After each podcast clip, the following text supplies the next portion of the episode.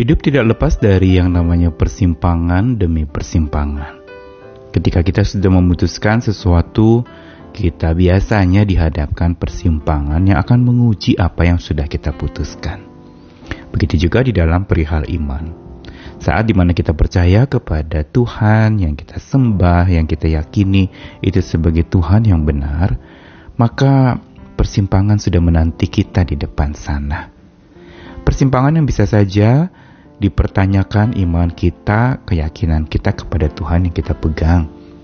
Persimpangan bisa saja ketika kita diajak untuk lalu kemudian berangkat dari kebenaran menuju kepada sebuah kompromistis terhadap kebenaran itu sendiri.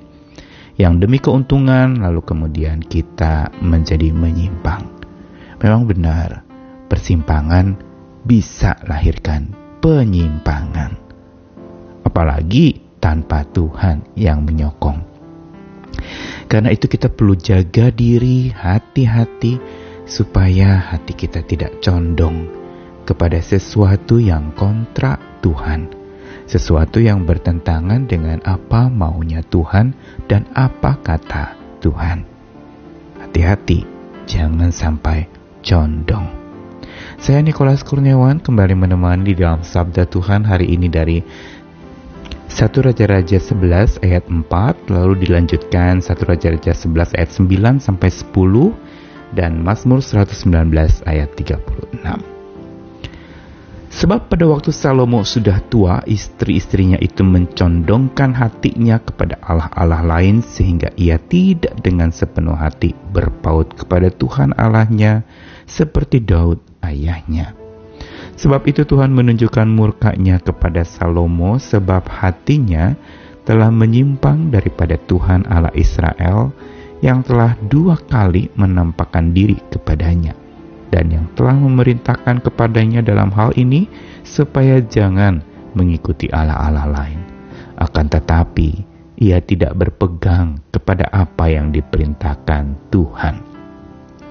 Lalu Mazmur 119 ayat 36 Condongkanlah hatiku kepada peringatan-peringatanmu dan jangan kepada laba.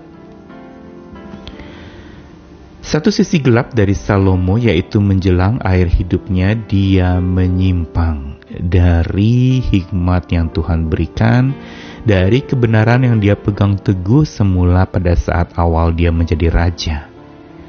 Dan kitab suci mengatakan tadi di dalam ayat yang keempat, satu Raja-Raja 11 bahwa Salomo sudah tua. Dan tentu saja bukan karena dia sudah tua maka hatinya condong kepada Allah-Allah lain yang dipengaruhi dari istri-istrinya. Tetapi ini bukan perkara usia, ini perkara hati. Dikatakan bahwa hatinya condong atau dicondongkan kepada Allah-Allah lain sehingga dia tidak sepenuh hati berpaut kepada Tuhan Allahnya. Perhatikan bagaimana Salomo yang sudah tua mulai menghadapi yang namanya persimpangan yang tidak mudah untuk dia sebagai raja untuk bangsa pilihan Tuhan waktu itu. Sebuah persimpangan antara hikmat yang dari Tuhan yang dia junjung tinggi dan menjadi awal langkah dia sebagai raja dibimbing oleh hikmat Tuhan dan ini sungguh luar biasa. Tapi memang tidak dapat bertahan lama hikmat itu terus ada dalam diri manusia ketika manusia tidak terus ada di dalam Tuhan ketika dia mulai menyimpang, ketika dia mulai mencondongkan hati kepada Allah-Allah lain di persimpangan-persimpangan yang dia hadapi, dia akhirnya menjadi menyimpang. Persimpangan mendatangkan penyimpangan buat Salomo. Sehingga kitab suci mengatakan dia raja yang paling bijak itu tidak lagi sepenuh hati berpaut kepada Tuhan sehingga dikatakan ayat 9 tadi Tuhan murka kepada Salomo. Karena apa? Bukan karena Salomo memakai harta bendanya untuk kepentingan diri sendiri, tapi dikatakan hatinya telah menyimpang daripada Tuhan Allah Israel atau telah meninggalkan Tuhannya. Dan dikatakan bahwa ia tidak berpegang pada apa yang Tuhan perintahkan. Bukan dia tidak tahu perintah Tuhan. Tentu saja sebagai raja berhikmat dan bijaksana, dia tahu perintah Tuhan, dia takut akan Tuhan, tetapi dia lemah di dalam tetap berpegang kepada perintah Tuhan. Dengan kata lain memang ada godaan yang melanda hidupnya sehingga di persimpangan itulah dia menyimpang. Di persimpangan masa tua ketika sudah jaya sebagai raja yang terkenal bijak dan luar biasa berhikmat, di situ kita melihat bagaimana Salomo akhirnya jatuh justru di dalam sesuatu yang tidak diduga-duga. Saat persimpangan datang, Salomo menyimpang.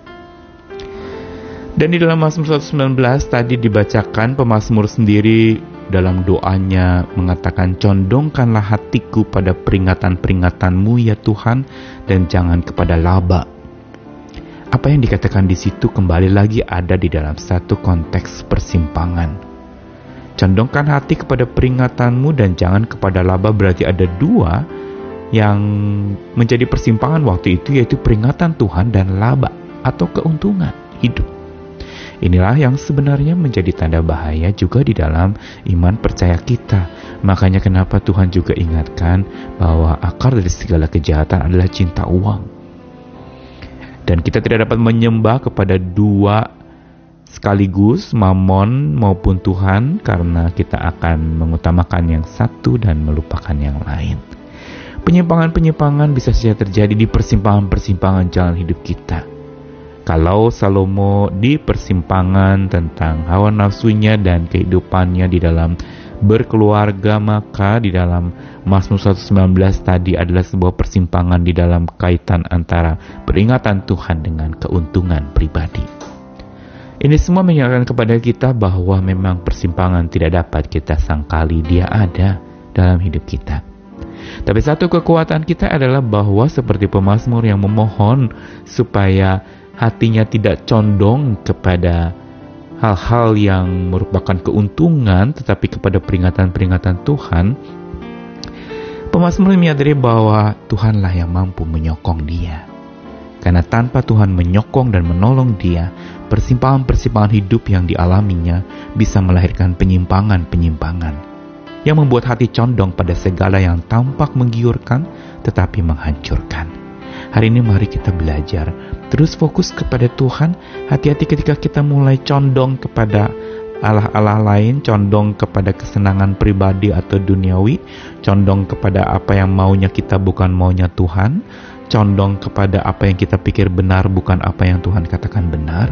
Hati-hati pada saat itulah kita perlu tetap berpegang kepada Tuhan supaya tidak menyimpang saat dia ada di persimpangan.